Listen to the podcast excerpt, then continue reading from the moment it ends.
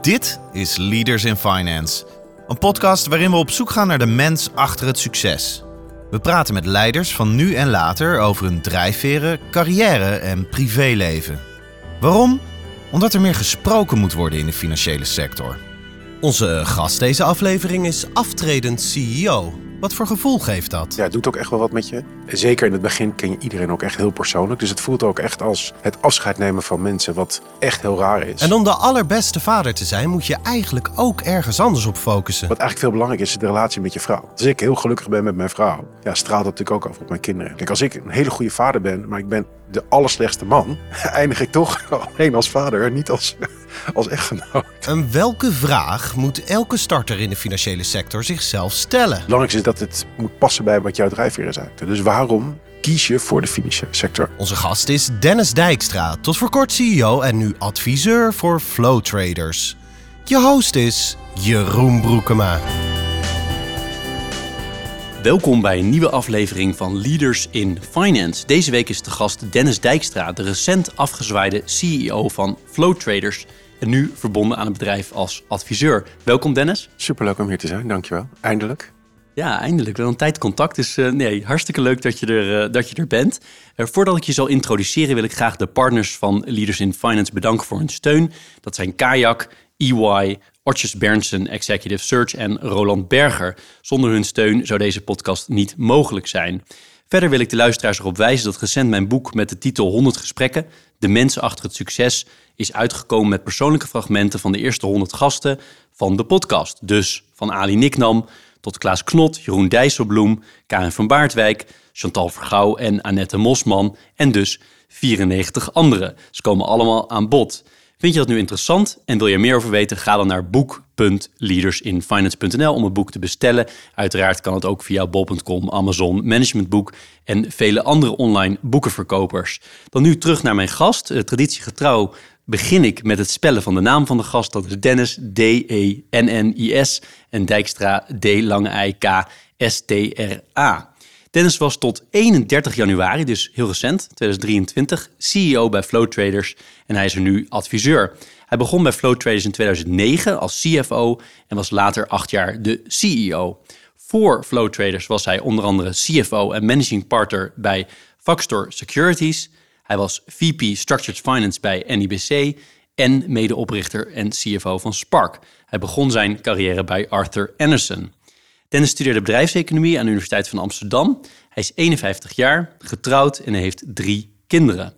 En dan voor mensen die flow traders uh, niet kennen, dat gaan ze zeker zo wel leren kennen, maar alvast een paar kerngetallen uit het jaarverslag 2022. Allereerst, er werd voor bijna 7 trillion aan onderliggende waarde verhandeld uh, door het platform van flow traders. Er was sprake van 150 miljoen netto winst. Er werd voor bijna 87 miljoen aan winstdeling uitgekeerd aan de medewerkers. De medewerkers samen met het bedrijf doneerden een miljoen euro aan goede doelen. En er werken bijna 700 mensen in meer dan 10 locaties wereldwijd. En dan ga ik nog heel kort aan het woord zijn voordat we Dennis aan het woord laten. Namelijk met een quote uit het jaarverslag over Dennis die afzwaait bij Flow Traders. En die gaat als volgt. On 31st January 2023, Dennis Dijkstra stepped down as CEO of Flow Traders after 14 years with the company and 8 years as CEO. Under his entrepreneurial leadership, Flow Traders has become one of the world's leading liquidity providers, and we would like to thank uh, we would like to express our deepest gratitude to Dennis. He has been a key contributor to creating the unique Flow Traders spirit that thrives across the business and which will continue to be part of the company culture and a key factor to our success. On behalf of everyone at Flow Traders, we wish him every success with his future endeavors. Nou, hele mooie woorden. Dat is volgens mij het mooiste compliment wat daar opgeschreven staat, wat je kan krijgen als afzwaaiende um, uh, CEO. Ben je echt al weg? Ja, bijna. Het is nog in transitie. Dat duurt wat langer dan, uh, dan een paar dagen of een paar weken. Dus dat is al een tijdje geleden ingezet. En we zitten nu in de laatste fase, de laatste meters tot de, tot de finishlijn. Dus het is het uh, nog steeds goed overdragen. Uh, zorgen dat alles goed, nog steeds goed staat. ik blijf nog wel heel even directeur van een, een van de belangrijkste investment firms binnen de groep. En dan is het hopelijk toch binnen een paar maanden echt einde oefening. Is de afscheidslunch, borrel, diner, whatever it is, al geweest? Ja, we hebben het groot, nou, we hebben het groot gevierd. mijn vertrek. Dus het is, ik weet niet of je dat moet vieren. Het is ook een beetje rauw, denk ik, het afscheid nemen. Ehm, dus we hebben het heel groot met alle mensen in Europa. normaal hebben we altijd een groot kerstfeest. Dat hebben we nu iets uitgesteld. Dat was eigenlijk al een jaar geleden besloten. En dat hebben we eigenlijk ook een beetje gebruikt voor het afscheid. En we hebben elke maand altijd een hele grote bijeenkomst voor de mensen. Uh, waarbij we de business update doen, speciale projecten, een stuk HR bespreken. Uh, en daar hebben we ook afscheid uh, genomen. Dus dat was. en er waren ook wat externe mensen bij en familie. En nou, echt heel bijzonder en warm en nou, dierbaar. Ja, het lijkt me best wel een bijzonder moment. Na 14 jaar dit doorleefd te hebben. Eerst als CFO, later als CEO. En dan gaat het echt stoppen. Dat is wel een raar moment. Ja, het doet ook echt wel wat met je. Ik ben natuurlijk begonnen toen er ongeveer, nou, weet ik wat, 35, 40 mensen waren. Uh, nu bijna 700, dus dat is nogal wat. Uh, zeker in het begin ken je iedereen ook echt heel persoonlijk. Dus het voelt ook echt als het afscheid nemen van mensen, wat echt heel raar is. En zeker ook in de, de kantoren die niet zozeer dichtbij zijn in, uh, in Amsterdam of in Londen. de mensen die ik ook niet meer zal zien in de toekomst. En dat is best wel, ook best wel emotioneel soms kan me helemaal, helemaal voorstellen. Als je luisterde naar die speeches, want ik gok dat er speeches zijn geweest, was er dan zo'n thema wat steeds terugkwam over jou? Drive, ik denk dat dat altijd wel, uh, ik denk ook wel positiviteit, maar ik denk ook wel uh, altijd beter willen. Ik denk dat dat ook altijd van belangrijk is. Maar ook, ook wel belangrijk is het, het delen. Dus het is het zorgen voor de, voor de mensen. dat Flow echt nog steeds wel, nou niet dus een hele grote familie is. Misschien is dat wat, dat kan bijna niet meer, maar daar, nou, daar echt wel heel veel ja, mee bezig is en tijd en aandacht aan besteedt. Ja, want laten we voor mensen die uh, Flow Traders niet kennen, het bedrijf is, is neerzetten aan de hand van de stakeholders. En ik zou het leuk vinden om met jou die stakeholders langs te lopen. Uh, bij welke stakeholders zou je zelf eigenlijk beginnen? Zijn dat, is dat ook die familie, de medewerker? Um, ja, dat kan de mensen die het aantrekt of die er werken, zeg maar. Ik denk dat dat altijd uh, mensen zijn die altijd een, gedreven zijn. Ik denk dat het heel belangrijk is. Die dingen graag willen veranderen. Uh, maar mensen ook die lef hebben. Je hebt heel veel mensen die heel graag praten en dingen doen. Als je in de, in het mooie vind ik van de financiële sector. Dat je, uh, je kan jezelf daar ook echt bewijzen. Dus als wij een, een prijs afgeven en er wordt op gehandeld. Dan, ja, dan ben je om de hoek, zeg maar. Dus het is ook, dit is de real deal. Um, dus dat is, dat is mooi. En, en die combinatie nou, geeft ruimte voor mensen die die ook een beetje vertrouwen in zichzelf hebben, hè, die slim zijn, dingen willen veranderen. Uh, en waar tot op zekere hoogte ook geen grenzen zijn. dus als ik zie wat wij met Flow al gedaan hebben, hè, de, eigenlijk een groot gedeelte van de asset management of de vermogensbeheerindustrie hè, voor, voor, het, voor, voor better veranderd hebben met, hè, met name de ETS, wat onze core business is, hele lage goedkope producten op wereldwijde schaal geïntroduceerd, maar ook nu in de obligatiehandel of hè, zelfs in de, in de crypto of in de, de digitale wereld. Ja, dat is echt wel uh, uh, vernieuwend, vooruitstrevend. En ja, dat, dat gaat ook continu aan de gang. Maar het is ook heel rusteloos. Dus het is continu aanstaan, willen veranderen. Uh, ja, weet je, dat moet je wel liggen, zeg maar. Dus er is weinig, weinig rust. Ja, want als je even kijkt naar die bijna 700 mensen, zitten dus wereldwijd. De meeste zitten in Amsterdam?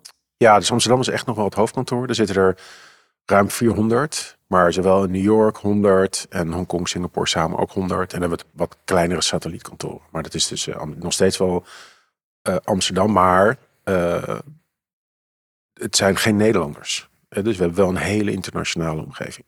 Wat ook weer een hele aparte dynamiek met zich. Ja, want van die 700 mensen, je weet waarschijnlijk niet uit je hoofd, maar ja, is echt maar een klein deel Nederlands. Ja, 150. Oh ja, oh, je weet het wel. Ja. ja. En de grootste groepen mensen binnen deze bijna 700, wat doen die? Er zijn drie, uh, dus je hebt de, uh, de handel. En dat zijn echte mensen die achter de schermen zitten. Niet zozeer zelf handelen, maar met name het monitoren, met nieuwe algoritmes bezig zijn. Uh, eigenlijk ook een groot gedeelte van de risico's beheren. super belangrijk. en dan heb je daarnaast de technologie, wat eigenlijk het, het, het, grootste gedeelte is. Dus dat is het onderhouden van onze wereldwijde infrastructuur. Dat is hard- en software.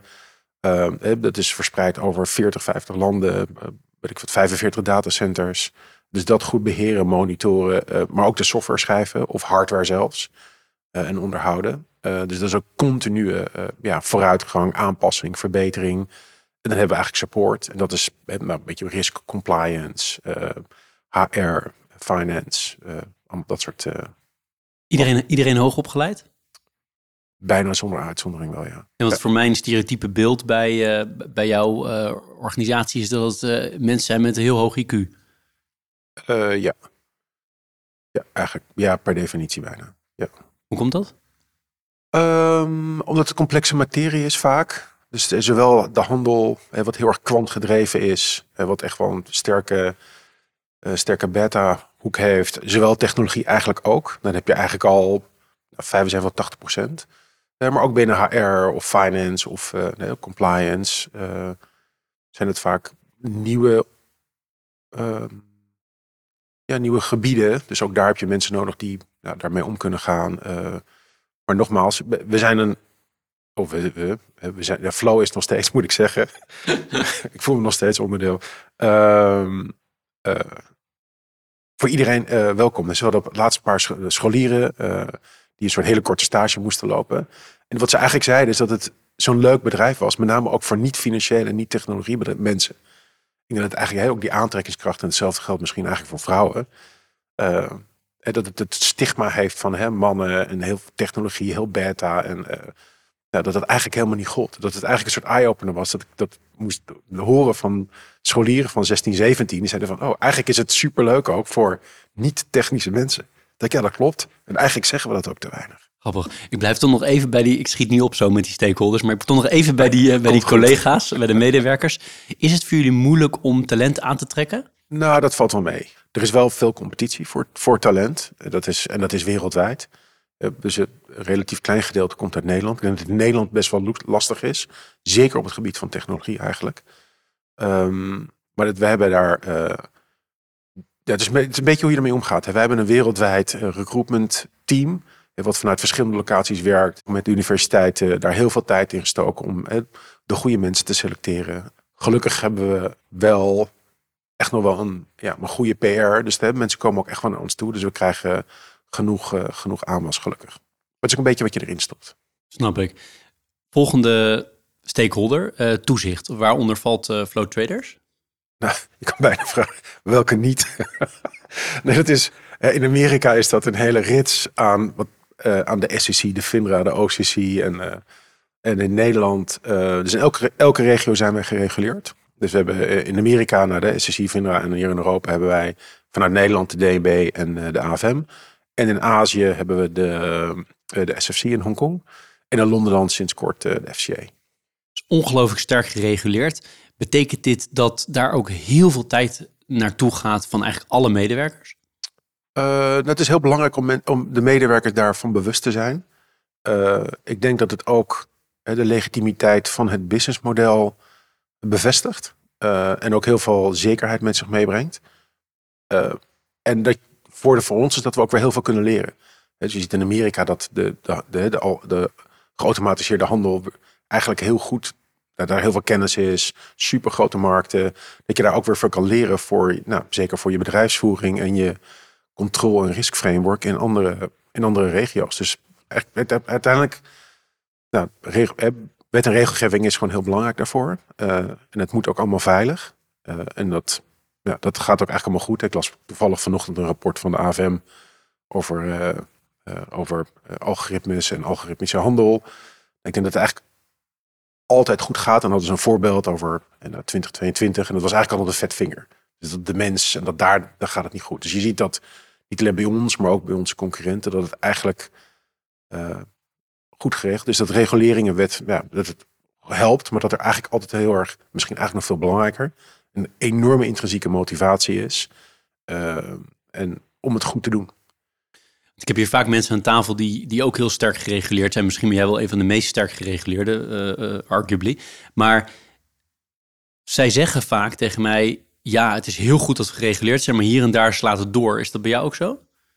Um, nou, regels mogen niet leidend zijn. Dus ik, ik, ik ben meer van de. Ik hoop meer van de principes. De kaders zijn heel belangrijk. Maar daarbinnen is het, uh, is wellicht het, uh, het vertrouwen tussen de hè, onder toezicht staande en de toezichthouder is vaak broos, denk ik. Uh, is er helaas, denk ik vaak, en misschien ook wel echt voor hele goede redenen, te weinig uh, bereidheid of inzicht om hè, te vertrouwen op nou, de onder toezicht staande, zeg maar. Zeker in nieuwe gebieden is dat best wel lastig. En het duurt heel erg lang. Dus als je kijkt hè, naar die hele crypto-wereld, hoe snel dat gaat. En waar er relatief weinig toezicht is. Ja, kan, kan, je, kan, je, kan je dat afvragen of dat goed is of niet. En dat duurt ook heel erg lang. Dus het is heel moeilijk om bij te blijven. Maar ik denk als je vertrouwt ook op de, hè, de markt zelf en de juiste spelers in de markt, dat het eigenlijk altijd wel goed komt als de intenties maar goed zijn. Ik sloeg uh, een andere stakeholder eigenlijk over. Want om eerst naar toezicht te gaan voordat we het over klanten hebben gehad, is wel iets wat vreemd. Maar klanten, wie, wie zijn eigenlijk jouw klanten? Nou, technisch gezien hebben wij geen klanten. Want hè, veel van wat wij doen is uh, anoniem. Dus we hebben het altijd over uh, tegenpartijen of counterparties. Want alles wat wij doen is in competitie, per definitie. Dus als ik een, een, een prijs afgeef of een quote op een beurs, is dat een competitie, is dat open en is die beurs gereguleerd. En eigenlijk 99% van onze handel is op die manier ingericht. Dus wij hebben niet een klant, want bij een klant krijg je allerlei verplichtingen. Dus wij, wat wij, ons model is specifiek de beste prijs afgeven in competitie. Wil niet zeggen dat we niet te maken hebben met heel veel belangrijke relaties. Nou, onze belangrijke relaties zijn de beurzen waar we op handelen, de, uh, het uitgevende instelling of de issuers, dus de iShares, uh, dus BlackRock daarachter of State Street Vanguard. Uh, maar ook de partijen waar we mee handelen. Dus dat zijn alle grote vermogensbeheerders, alle banken. Dus we hebben, wij zijn de wereldwijd de grootste uh, market maker of liquidity provider of de partij die prijs afgeeft in ETF's. Dus voor alle ETF's, maar ook met alle beleggers eigenlijk. Dus ook met alle grote institutionele beleggers. En dat zijn er nou meer dan 2000. Dat zijn echt centrale banken, nou, de grote Chinese pensioenfondsen bij wijze van spreken. Uh, ja, je zit volledig in de structuur van het netwerk van die financiële sector. Precies. En om het even heel praktisch te maken voor mij, jullie versturen wel facturen. Of hoe komt het geld anders binnen? Oh nee, het, is, nee, het, is, het werkt heel volledig, volledig anders. Dus hè, wij kopen een product in en wij verkopen een product. En de prijs die, nou, die wordt door ons bepaald en die kopen we in. En dat wordt allemaal afgewikkeld door de beurzen. Of eigenlijk de... Dus uiteindelijk de beurzen, daar komt jullie omzet vandaan. Om het even, dat is jullie, eigenlijk jullie klant, als je het zo zou willen zeggen. Ja, of daar handelen wij op met een tegenpartij. Dus ik kan op Euronext met jou handelen. Of jij kan iets van mij kopen via Euronext. Ja, Nee, het is echt een, echt een handelshuis, zoals we, zoals we zeiden. En als het gaat om concurrenten, we kennen de mensen die in deze sector een beetje zitten, die kennen een paar grote namen. Is, zijn dat de concurrenten of zijn er ook nog hele andere concurrenten? Um, nee, de concurrenten, het is heel internationaal. Um, dus in Nederland, denk ik, ja, zeg ik altijd met trots, hebben we een, een sterke sterke en mooie historie. Met name IMC en Optiver. Maar heb, ik denk met name in Amsterdam en omstreken zijn er heel veel hele mooie handelshuizen. Ieder heeft zijn eigen, specifieke uh, niche. Uh, maar wereldwijd, met name vanuit Amerika, zijn er echt hele grote handelshuizen. Die, Citadel een Jane Street of Susquehanna of Deer W of Jump. Die zijn allemaal echt heel erg groot. Allemaal wereldwijd. Uh, maar soms ook de bank dus de, niet zozeer de Nederlandse banken, maar meer de, de Amerikaanse banken. En dan gaat het meer over de, de handel voor aandelen, maar soms ook wel ETF's of obligatiehandel, waar wij ook eh, hard aan het groeien zijn. Um, dus waar ook al vernieuwing plaatsvindt. Dus de, de traditionele investmentbanks die nog handelsactiviteiten hebben. Daar concurreren we soms ook nog eens mee. Hoe belangrijk is schaalgrootte dan in deze business? Extreem. Maar dan ben je eigenlijk relatief klein, zeg je, vergeleken met een Citadel bijvoorbeeld.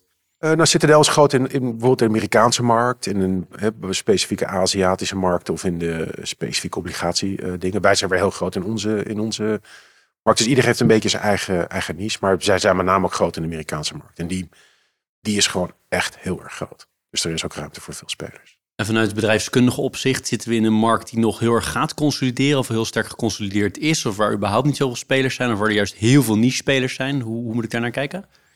Nou, er zijn eigenlijk best veel spelers. Ik denk zeker wel meer dan tien. Uh, ik denk dat er weinig M&A geweest is in het verleden. Want iedereen heeft wel zijn, zijn specifieke cultuur, zijn specifieke niche. Weinig, uh, weinig schaalvoordelen. Maar wat niet is, kan altijd nog komen. Dus, uh, en, en, en het groeit. Dus je ziet ook wel dat iedereen het, iedereen het wel goed doet, zeg maar. Hoe uh, makkelijk of moeilijk is het, met andere woorden, wat zijn de entry barriers als ik vandaag iets wil beginnen en ik heb een reden, stel ik heb een redelijke zak met geld, hoe, moeilijk is het om iets te starten?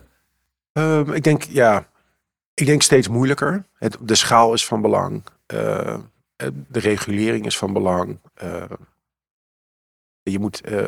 En en de, de snelheid van innovatie en veranderingen is ook best wel, best wel indrukwekkend. Dus ik zeg altijd van als mensen willen bouwen wat wij hebben, dan zijn wij alweer twee jaar verder, drie jaar verder. Dan hebben zij gebouwd wat wij hebben.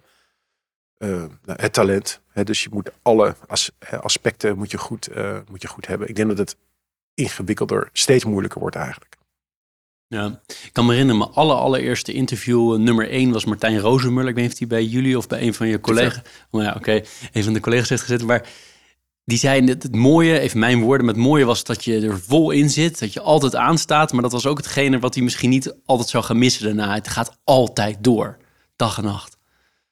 Ja, dat klopt. En, dat is de, uh, en zeker als je wereldwijd handelt. Dat begint ochtends, dus als mensen wakker worden. Het is Azië al, al goed op weg. Tot laat, in, uh, tot laat in Amerika. En alles is van belang voor elkaar. Dus als er in Amerika wat gebeurt, heeft het weer effect. Dus, en zeker ook in de cryptowereld, wat helemaal 24-7 is. Of uh, ja, 24-7. Ja, dat staat helemaal niet meer stil. En dat is natuurlijk ook wat iedereen misschien uiteindelijk een keer verwacht. Dat ook de financiële markten uiteindelijk een keer 24 uur 7 worden. Dus, uh, maar het is natuurlijk ook de. Uh, het is, dat is één aspect. Het andere aspect is. Je moet altijd een soort alertheid hebben op als er iets gebeurt, moet je anticiperen. Dus dat is waar iedereen altijd mee bezig is. En het zit voor een groot gedeelte wel in de systemen en die ondervangen dat. En dat gaat eigenlijk altijd wel goed. Maar er zijn altijd dingen als de Zwitserse bank die de Zwitserse frank loslaat. En dan in één keer gebeurt, dat heeft natuurlijk een enorme impact. En het goed daarop kunnen anticiperen, uh, ja, dat, daar moet je eigenlijk altijd voor aanstaan ook. Nog twee stakeholders met je langslopen, de eigenaren. Ja. Uh, jij hebt een beursgang meegemaakt, dus het is een beetje een dubbele vraag van wie zijn nu de eigenaren? Nou ja, dat is vrij duidelijk, want het is beursgenoteerd, maar ik weet niet hoe goed jij je aandeelhouders kent, kende. Um, en daarnaast de vraag, waarom zijn jullie destijds naar de beurs gegaan? Hoe was dat? Uh, de, de, dus de stakeholders, hè, we hadden drie of twee oprichters. En toen hebben we in 2000 acht, en ik ben er vlak, daarna begonnen, uh, een participatiemaatschappij. Summit Partners is toen aandeelhouder geworden. Uh, dus toen was het overzicht, maar ook een, groot gedeelte van de werknemers al. Dus dat is eigenlijk altijd een rode draad ook geweest door, door de, de historie van Flow. Um, en voor een hele duidelijke reden, en nog steeds overigens. En nu, hè, sinds de beursgang, hebben de, de oprichters, maar ook hè, de mensen zelf, ik denk in totaal 30% van de aandelen is ook daar in beloning uh, altijd belangrijk dat mensen ja, zich eigenaar voelen, maar ook risico dragen, maar ook hè, de, de upside daarvan mee kunnen profiteren. Dus het is een, een, combinatie. En het is verder institutioneel en dat is heel breed. Dat zijn kleine, kleinere beleggers tot, tot hele grote, maar dat is heel, ook dat is vrij volatiel. Dus ze zijn altijd in, uit en dat is heel moeilijk om daar echt goed zicht op te hebben als ik eerlijk ben. Wordt ook goed gehandeld in jullie.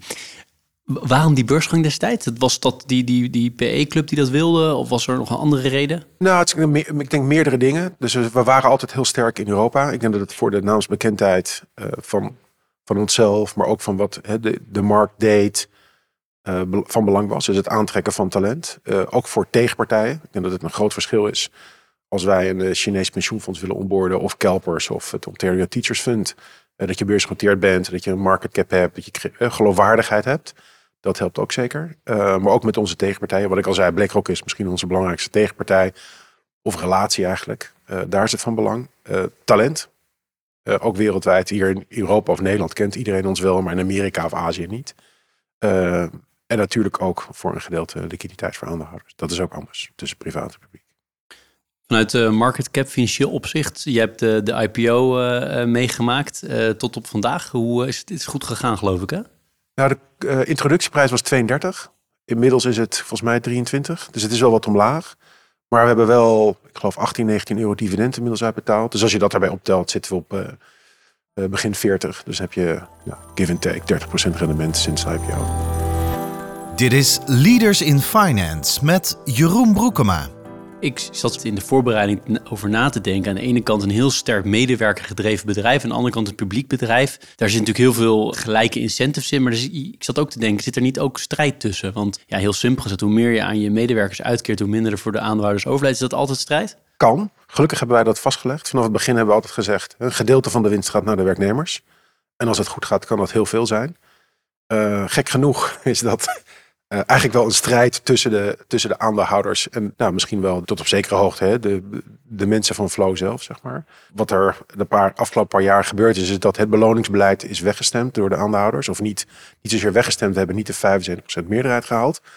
Wat eigenlijk heel raar is. Want wat wij zeggen is van we hebben een vastgestelde verdeling. En wat zij zeggen, nou dat vinden we niet goed. Dus eigenlijk zeggen de aandeelhouders, ja wij willen meer.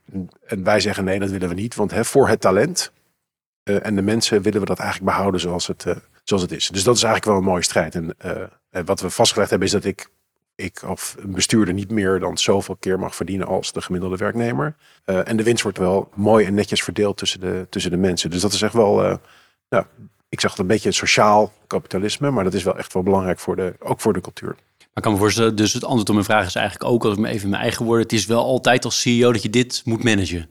Klopt. Ja, zeker. En als de vaste kosten toenemen, dan moet je daar natuurlijk wat, uh, wat aanpassingen maken en overleggen. En dan moet je het goed met de mensen bespreken. Dus dat, uh, dat heeft iets meer tijd nodig. Maar uh, gelukkig is het vastgelegd. Vond interessant. In de voorbereiding zat ik naar jou te luisteren bij een ander interview. En toen zei jij, we zitten eigenlijk in de allerslechtste marge business die je maar kan bedenken.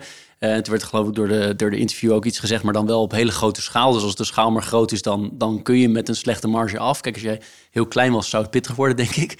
Maar jullie hebben volgens mij altijd vanuit financieel opzicht heel goed geboerd, toch? Of zijn er ook tijden geweest dat het slecht gegaan is? Uh, nou, het is relatief. Het is, de, het is wat wij, waar wij op focussen altijd is gewoon structurele langere termijn groei. En dat betekent het platform of de infrastructuur vergroten. Dus met meer tegenpartijhandelen, meer beurzen, meer producten en dan uh, wat de on grote onzekere factor is, is eigenlijk hoeveel er gehandeld wordt. Want dat bepaal ik eigenlijk niet zelf. Dus wij zijn altijd afhankelijk van eh, andere institutionele of retailbeleggers, of ze willen, willen ja, beleggen of niet. Dus dat is de onzekere factor. Wat wij in geloven is dat als wij ons, dat is het enige waar ik invloed, op kan uitoefenen, ons platform vergroten en daar het continu in optimaliseren, dan als er meer gehandeld wordt, wordt het altijd uh, beter dus we, wat we gezien hebben is dat we altijd structureel groeien. En als er dan meer gehandeld wordt, dan is het zeg maar ook wel disproportioneel veel meer. En dat is uh, vaak helaas in, uh, in of als er gekke dingen gebeuren of uh, acties. Maar structureel lange termijn groei, dat is wat wij zelf kunnen doen. En dan is het soms meer. Dus het is wel een volatiel businessmodel. Maar als je er gelukkig lang genoeg in zit, heb je vertrouwen dat het altijd. Uh, nou, we kijken naar het gemiddelde over, de, over een aantal jaar. Het wordt altijd weer een keer volatiel in de markt. Daar, uh, dat er één ding zeker is, dan is, uh, is dat het. Um, ik las die quote uit het jaarverslag voor in het begin van dit gesprek.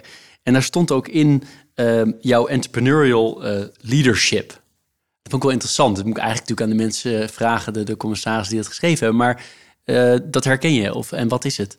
Nou, ik denk wel dat het de de drive, uh, de wil om te veranderen, uh, het, het challengen van de status quo. Ik denk dat we, dat, dat daarmee bedoeld wordt. Maar ik denk ook wel, ja, dus de, de, de energie, maar ook, ook het, beetje bij ons is het eigenlijk altijd zo dat we altijd de dingen zien die niet goed zijn. Dus het is altijd verder beter, beter willen. Um, maar ook wel de positiviteit benadrukken. Dus alles kan. Ik denk dat dat ook wel de ondernemende kant is. En dan is het ook doen. Dus als je gelooft dat iets kan, dan moet je het ook nog doen. En dat is, zeg maar, die combinatie is, uh, ja, ik denk dat dat het misschien is. En ik geloof ook echt dat dat, eh, dat, dat echt zo is. En voel je ondernemer zelf? Um, soms, ja. Ik denk het wel. Ja, ik denk dat ik, ja. En ik veel kansen zie, dingen aan elkaar kan knopen en daar ook voor durf te gaan. Ja, maar ondernemend of ondernemer, dat vind ik altijd nog wel interessant. Dat, bij jullie heb ik, die, heb ik het idee als zo aan de buitenkant er naar kijkt, een beetje zo ertussenin zit. Je bent wel in, in loondienst, maar je hebt een grote winstdeling. Je, je, je mag wel echt, je bent je eigen eh, bedrijf uh, aan het runnen. Tegelijkertijd uh, is het niet zo dat er geen inkomsten meer zijn op het moment dat het wat minder gaat. Ja, dan is het misschien een groep ondernemers. Dus ik vind, wat ik altijd zelf altijd mooi vind, is dat uh, misschien nu anders dan, weet ik wat, vijf of tien jaar geleden. Toen, uh, toen het misschien veel makkelijker was hè, voor mensen die bij ons konden beginnen. Of bij een, een, grote bank of een consultancy. dat er toch wel meer onzekerheid is. Maar ik denk altijd dat die mensen heel veel vertrouwen in zichzelf gehad hebben. Van nou, ik kan meer en anders. En daar toch een... en daarvoor durven gaan. Zeker op een hele jonge leeftijd. Dus zijn we allemaal ondernemers. In ieder geval een groep ondernemers, denk ik. En, en ondernemend. dus het vertrouwen. Ja, misschien, een misschien dan ben ik soms meer een aanjager van ondernemers. Of ondernemende mensen. Maar ja, maakt mij dat zelf dat? I don't know. Ik vind dat moeilijk om te zeggen. Ik ga proberen heel subtiel, uh, of niet subtiel, een beetje meer naar jou toe te werken. Hoe ben je ooit bij Flow terechtgekomen? Ik had of, uh, met twee partners hiervoor een hypotheekbank. En dat ging in de crisis, uh, ging dat minder, moesten we dat zeg maar sluiten en overdragen. Dus toen hebben we het geherstructureerd en afgebouwd. En toen kwam eigenlijk via een bevriende headhunter kwam dit voorbij. En dat was eigenlijk een hele mooie overstap. Ken je Flow al goed? Uh, Flow zelf niet. Ik kende de, de markt wel. Ik kende Optiver en IMC. Faxter was een dochter van IMC, dus die markt kende ik goed. En ook in mijn tijd met, uh, in, bij Arthur Anderson heb ik veel in de, in de financiële markt gewerkt en ken ik wat andere partijen ook goed. Dus ik heb altijd wel een, uh, een grote interesse en affiniteit voor de financiële sector en met name specifiek de financiële markten gehad. Dus ja, en dat was volgens mij ook vrij snel beklonken. En het was na Summit. En ik had ook eigenlijk alle... De Summit is participatiemaatschappij. Dat had ik al een paar keer gedaan. Uh, de financiële markten uh, mooi. Dus dat paste eigenlijk heel goed. Was het idee toen al om co-CEO slash CEO te worden? N niet voor mij. Maar dat is wel zo uh, gegroeid. Was het ook een wens van jou, dit? Of komt het op je pad? Nee, eigenlijk gebeurt, gebeuren dat soort dingen. Dus ik zeg altijd ook tegen anderen. Als je gewoon focust op wat je moet doen. Dan komt de rest van... Als je dat goed doet, dan komt de rest vanzelf. Je startte destijds bij Arthur Anderson. En wat, voor, wat was je allereerste baan? Wat was je jobtitle toen? Oh, dat, ja, dat was je assistent, denk ik. Dus het was, het, zij waren echt een, een accountant. Um, maar ik denk nog steeds vrij vooruitstrevend met een wereldwijde maatschappij. Nou, echt allemaal, wel mooi.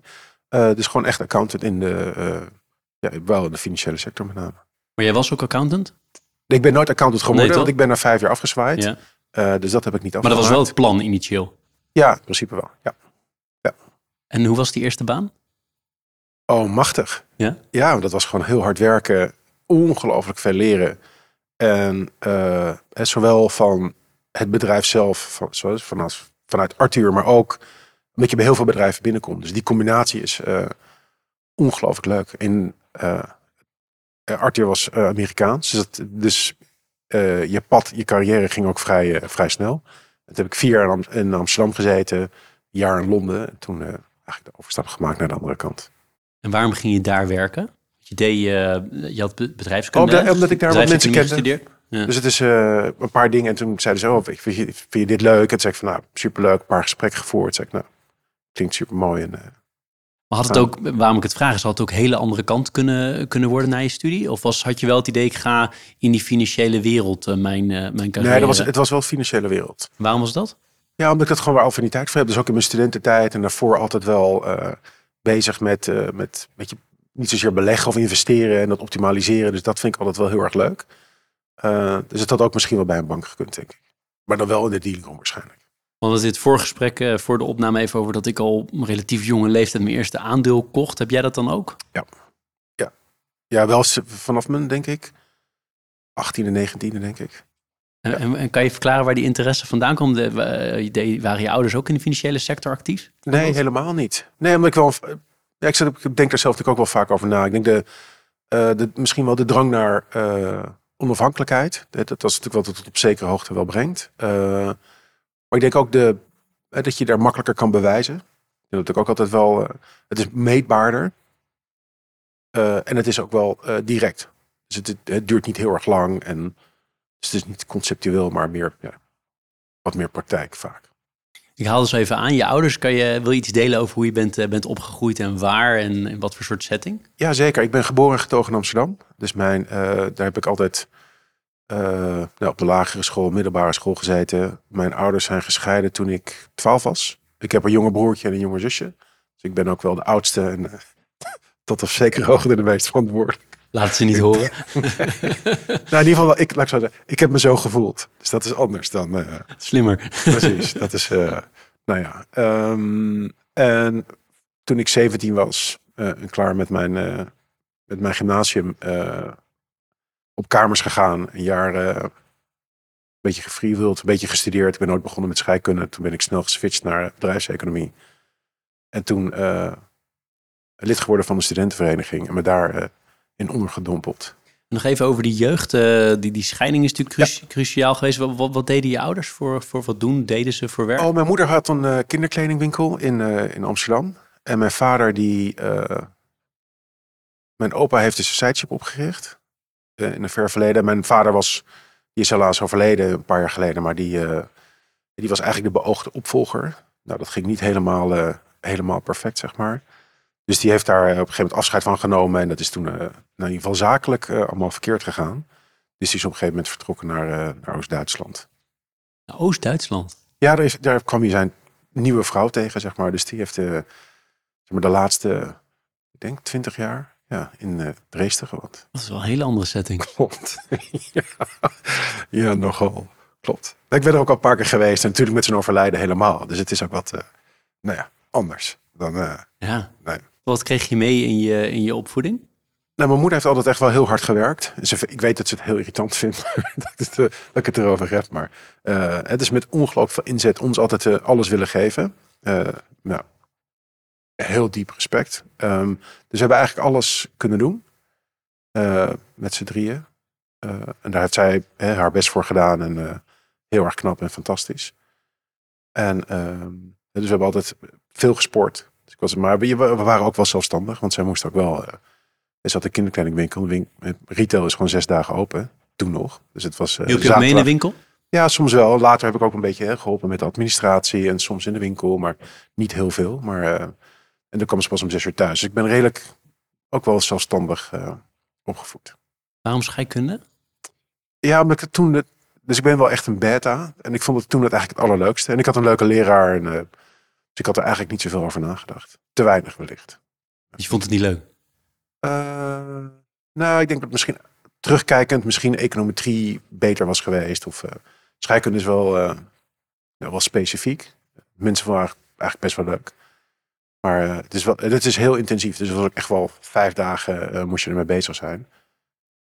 Dat was nou, zeker toen ik ging studeren en eh, bij een studentenvereniging kwam, was dat gewoon te veel. Want iedereen had daar zeg maar een andere weekindeling. Ja, ik kan me iets Nou ja. voorstellen, er zo nog iets over weten. Maar eh, had je vaak eh, vanaf jonge leeftijd ook bijbaantjes al? Dus je helpt, je hielp Ja. ze nu al mee in de kinderkledingzaak, maar ook andere bijbanen? Ja, ik had altijd wel, ja, ik heb altijd wel gewerkt daarnaast. Dus weet je, echt alles kranten, afwassen, eh, veel oppassen, eh, administraties, altijd, eh, altijd erbij gewerkt. Wat vond je het leukste bijbaantje? Ehm, Wat blij is je meeste bijgebleven? Nou, een beetje administraties vind ik altijd wel leuk, dingetjes oplossen. Eh, ja. Dat is eigenlijk wat. Maar ik heb ook veel gecoacht, training gegeven, ook superleuk op de hockeyclub. Op de hockeyclub, want je Ja. was een actief vervent hockeyer. Ja, ja, dus ik hockeyde eh, ja, altijd wel hoog en heel erg veel, maar ik cricket ook heel veel. Dat vond ik eigenlijk altijd superleuk. Weet je, kampen leiden en eh, coachen, training geven. Heb je wel eens gedacht, ik ga verder in, in het hockey of in de topsport? Nou, ik denk dat ik daar niet, goed genoeg voor was. Dus uiteindelijk ben ik, eh, was ik eh, tweede keeper, dus ik had een selectie van Amsterdam. En eh, Maar dan kon je dus wel echt heel erg goed. ja, ach, weet je, er waren mensen veel beter, dus dat was dat, Dat, was is altijd zo. Dat is, dat, dat is makkelijk. Dus, en ik vond het ehm, eh, gezellig. Ik vind de structuur heel fijn. Dus het is naast het studeren en het studentenleven ook gewoon veel hockey. En het was heel erg gezellig. Dus het was ook echt een hele leuke groep. Waar veel mensen ook nog wel van, hè, van, wel van zie en eh, spreek.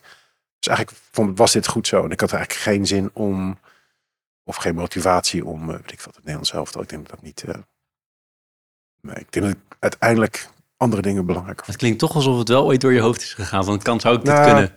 Ik, stel me, ik vraag me dan af, had ik het gekund, denk ik. Ehm, ja. Don't Nee, oké, maar los. Als je het gekund had, had je misschien wel nagestreefd. Dus als je misschien voor je gevoel nog beter was. Ja, wellicht. Ja. wellicht. Ik, denk dat je dat, ik denk dat je het wel heel veel offers moet brengen. En ik weet niet of de eh, of een gouden medaille dat vergt. Maar dat moet iedereen voor zichzelf natuurlijk bepalen. Hoe typeer je jouw eh, studententijd? Want je zei even in een tussenzin, ik heb ook nog een jaar gefreewheeled. Dan ben ik ook wel even benieuwd naar, wat Oh. heb je toen gedaan? Of was dat Ja, onderdeel toen- van je studententijd? Nee, ik woonde op kamers. Eh, toen studeerde ik wel. Maar het is een soort gap year op kamers. Dus het wel studeren. veel, veel, ja, veel uit. Dus een soort gap year in Amsterdam. Zo, maar wel als student. Vertel eens verder, hoe typeer je studententijd?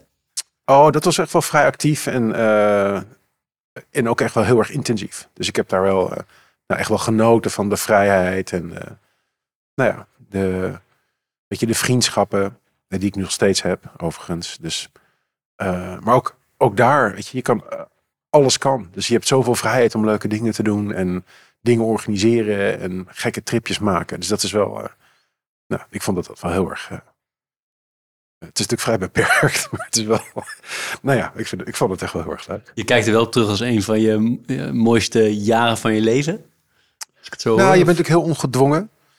Eh, en het gaat ook eigenlijk allemaal een beetje... Het gaat ook uiteindelijk allemaal helemaal nergens over. Maar het is wel... Heel, ja, je beleeft het heel intensief. En ja, ik vond het eigenlijk wel heel erg leuk. ja, ja, dat is... het- Ja. Je hele, het- hele ja. diplomatieke manier van vertellen dat je gewoon ook heel veel gefeest hebt en lol hebt gehad. Nee, Dus, eh, tuurlijk. Ja, en ook veel, veel gekke dingen gedaan. Maar ook wel veel georganiseerd en geleerd. En dat, is, dat is heel erg leuk. Maar je neemt het natuurlijk allemaal veel te serieus op dat moment. Maar het is, ik denk dat het eh, je heel veel kan geven. Het heeft, mij, het heeft mij heel veel gebracht, zeg maar. Dan kan je daar voorbeelden van geven? Nou, de vriendschappen, de opvoeding, de, die, dan, die dan daar ook wel doorgaat. Maar ook de.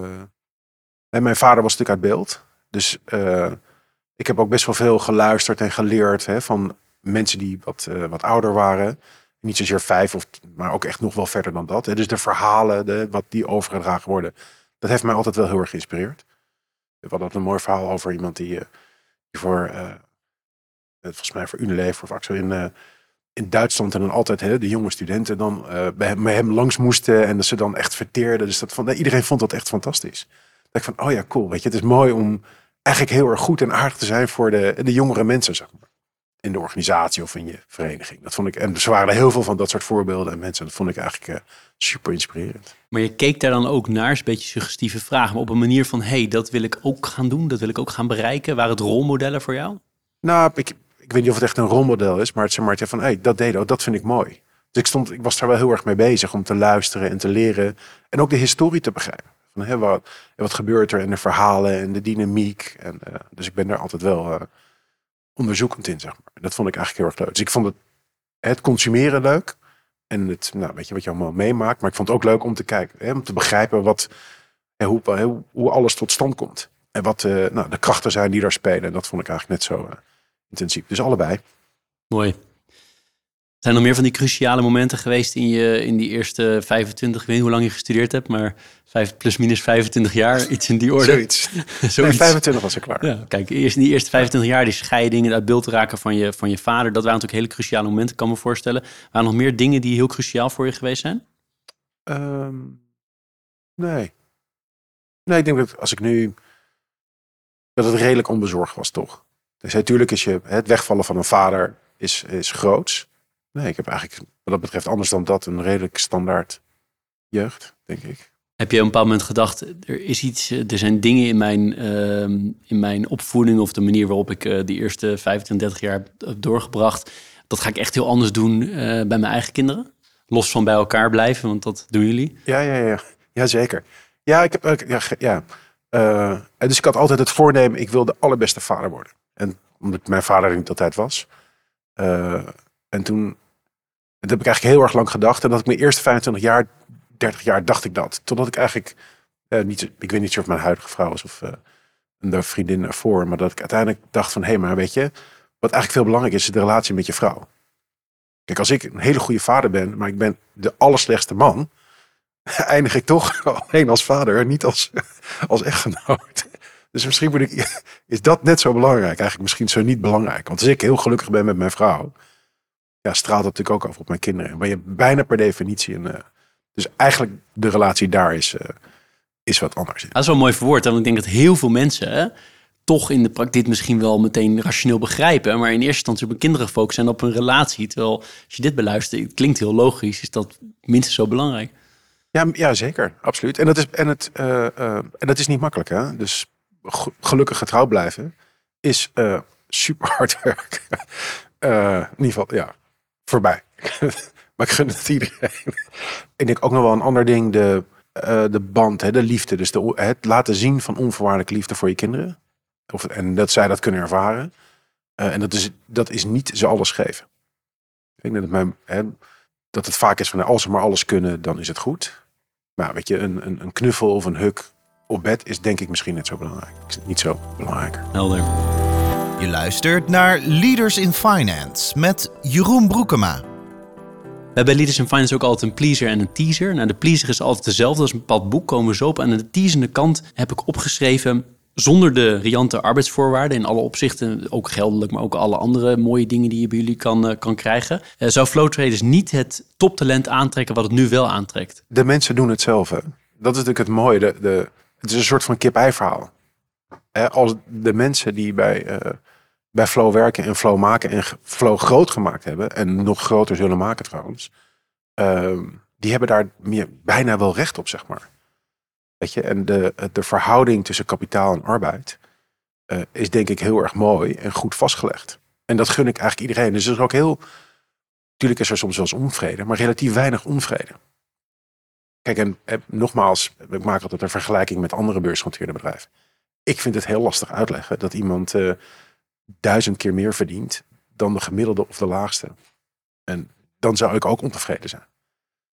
Dus ik denk dat dat uh, voor ons eigenlijk heel erg goed werkt. En, dat, en nogmaals, ik denk dat wij daar juist een voorbeeld in zijn uh, voor, voor anderen. Waarbij ik ja, wat, wat betere regels. En de FNV zegt hetzelfde. Hè?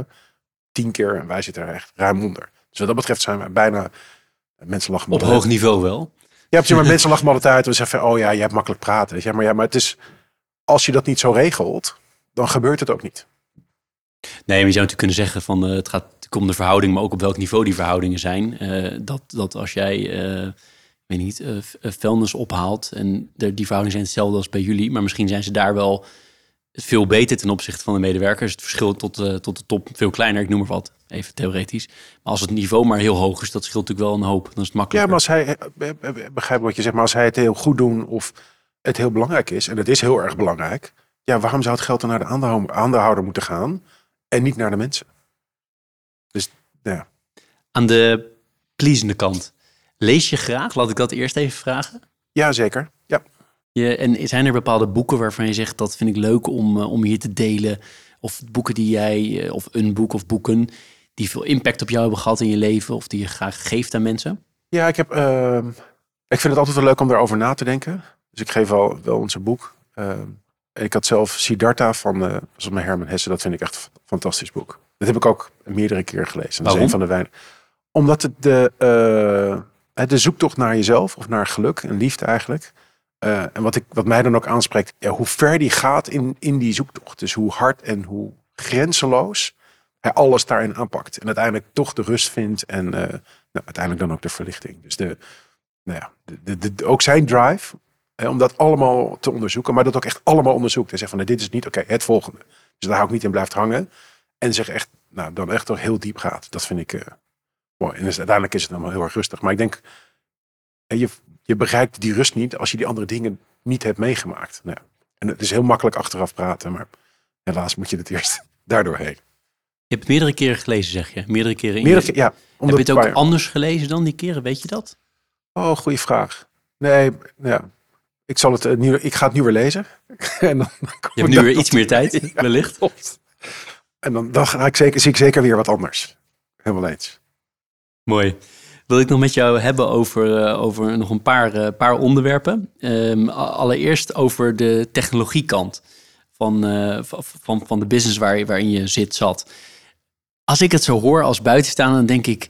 dit is toch ook onwijs veel van dit werk. Er werken zulke slimme mensen, maar zou het toch ook te automatiseren moeten zijn? Zoals ik even hele lange termijn met jou kijk... is heel veel van wat jullie nu doen te automatiseren? Nou, veel is wat wij doen is natuurlijk geautomatiseerd, maar je hebt wel mensen nodig om het te automatiseren. En, uh, en daar worden de eisen steeds uh, hoger en anders.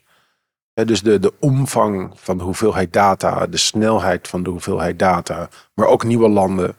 Uh, dus het is ook heel veel onderzoek naar nieuwe nou, vormen, technieken. nou, niet alleen van de snelheid van data, maar ook hoe krijg je het van, hoeveel kan je processen binnen een bepaalde tijd? Nou, dat is, dat is allemaal wat er moet gebeuren. Dus dat is, de handel zelf is, nou, wat ik al zei, volledig geautomatiseerd. Maar je hebt wel mensen nodig om dat continu te updaten en bij te houden. En daarvoor zijn al die mensen nodig. En we hebben natuurlijk een immens, immense infrastructuur. En die moet ook, ja, daar valt natuurlijk ook wel eens wat uit. Dus dat moet ook allemaal goed, goed beheerd worden. Dus het is beheer, maar dus het blijft ook al people business dus. Je zegt het wordt niet uiteindelijk allemaal geautomatiseerd. Die, prijs, die prijzen afgeven wat natuurlijk jullie core business is. Ja, ja, dan zou je de automatiseerde moeten automatiseren. Maar nog steeds moet je dan vertellen wat er gebeurt. Ik heb ooit uh, lang geleden in hetzelfde pand gezeten met het bedrijf waar ik toen leiding aan gaf bij jullie. En toen zeiden ze, ja, er zit hier een van het snelste internet ter wereld in, in jouw pand. Dat was een van de unique selling points voor mij om daar te gaan huren. Dat hadden wij helemaal niet nodig, zo snel internet. Prima internet was goed genoeg voor ons. Is dat belangrijk voor jullie?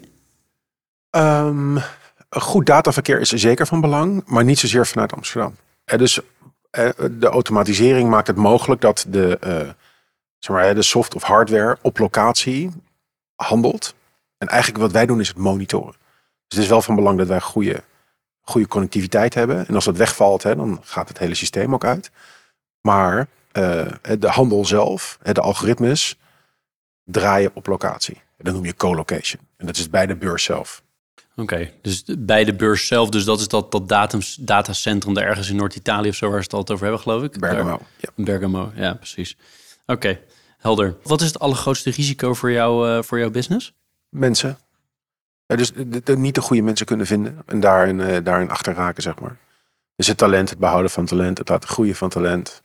Oké, dat is een heel, heel duidelijk antwoord. Dan nog een aantal uh, eind, eindvragen aan jou, die, die toch wel veel dingen bij elkaar brengen. Namelijk het balanceren, het juist balanceren tussen werk en privé.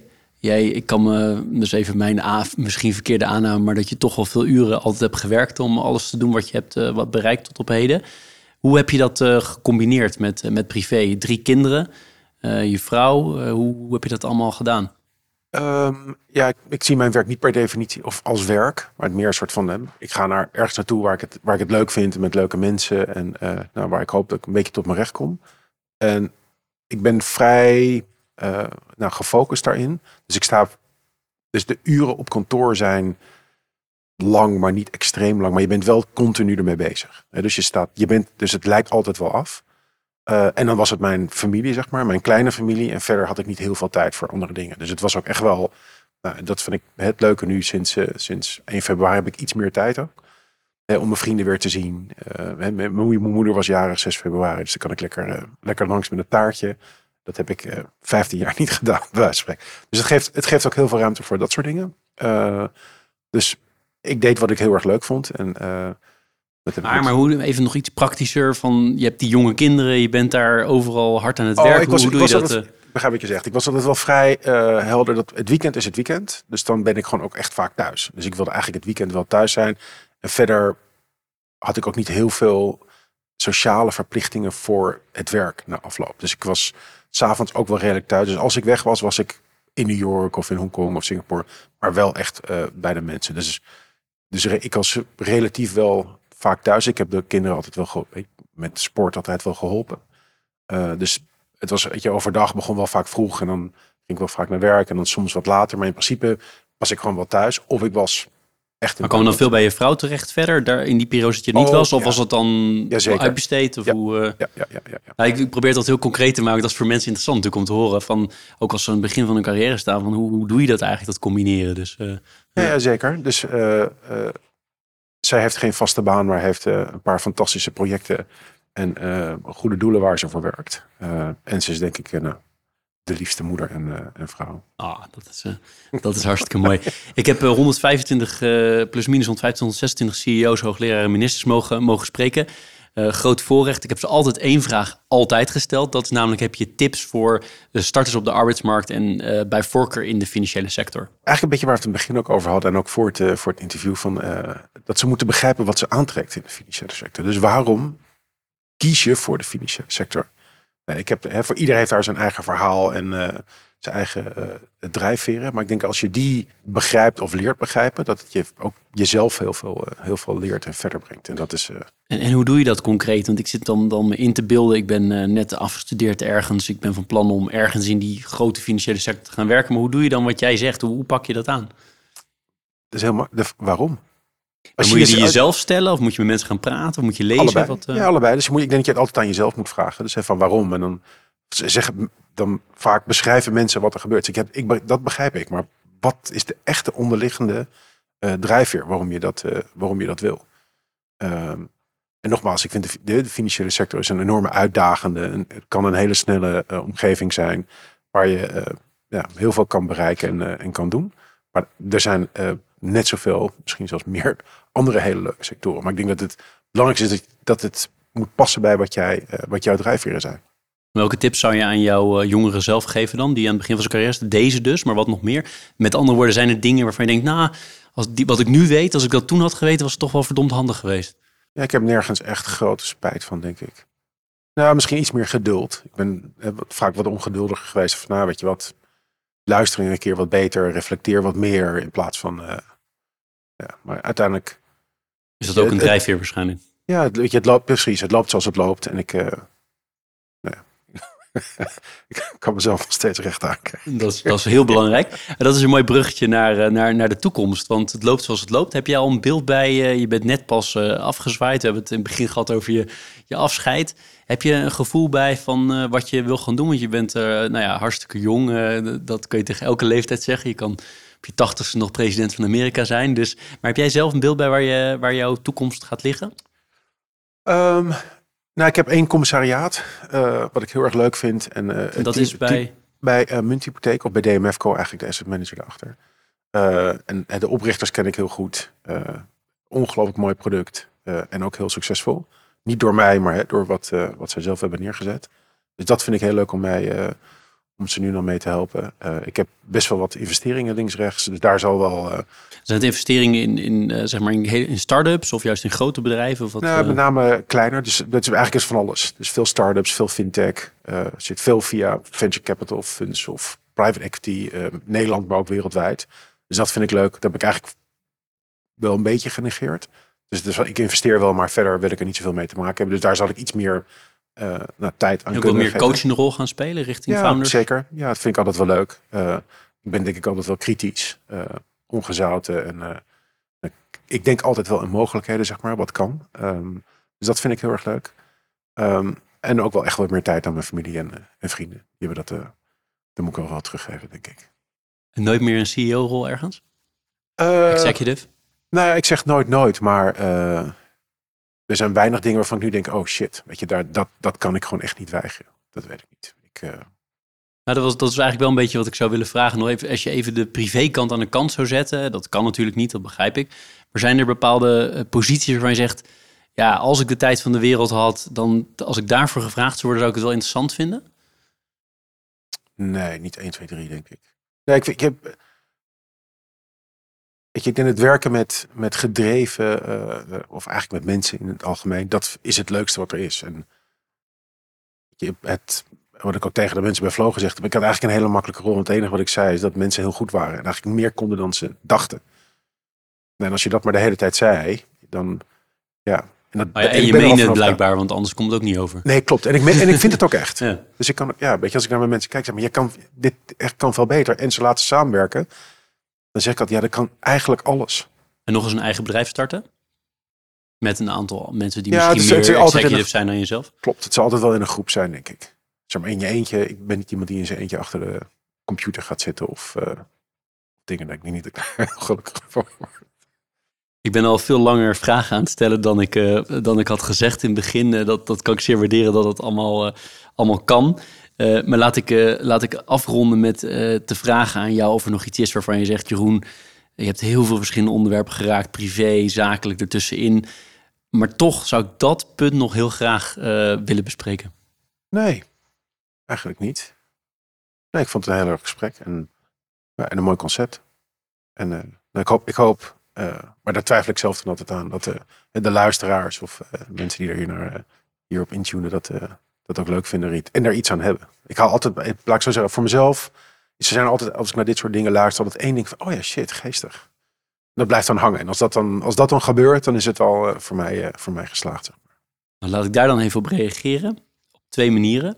Eén is de eerste luisteraar, degene die nu praat, die vond het heel erg leuk. En ik heb er zeker meer dan één ding uitgehaald. Uh, zal ik nagesproken ook zeggen wat dat is.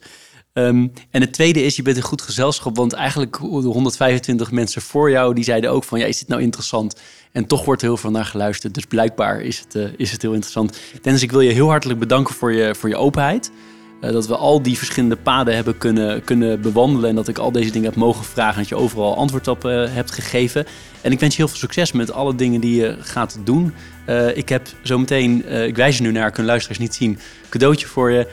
om je te bedanken voor je tijd. En nogmaals, heel veel dank. Heel graag gedaan. Jou ook heel veel dank. Dit was Leaders in Finance. We hopen dat je deze aflevering met veel plezier hebt beluisterd. We stellen je feedback erg op prijs. Wat houdt je bezig en over wie wil je meer horen? Laat het weten in een Apple of Google review. Dat kan ook via de sociale mediakanalen of direct via een e-mail. We kunnen het enorm waarderen als je dat doet. Tot slot danken we onze partners voor hun steun. Dat zijn Kayak, EY, Otjes Berndsen Executive Search en Roland Berger. Bedankt voor het luisteren.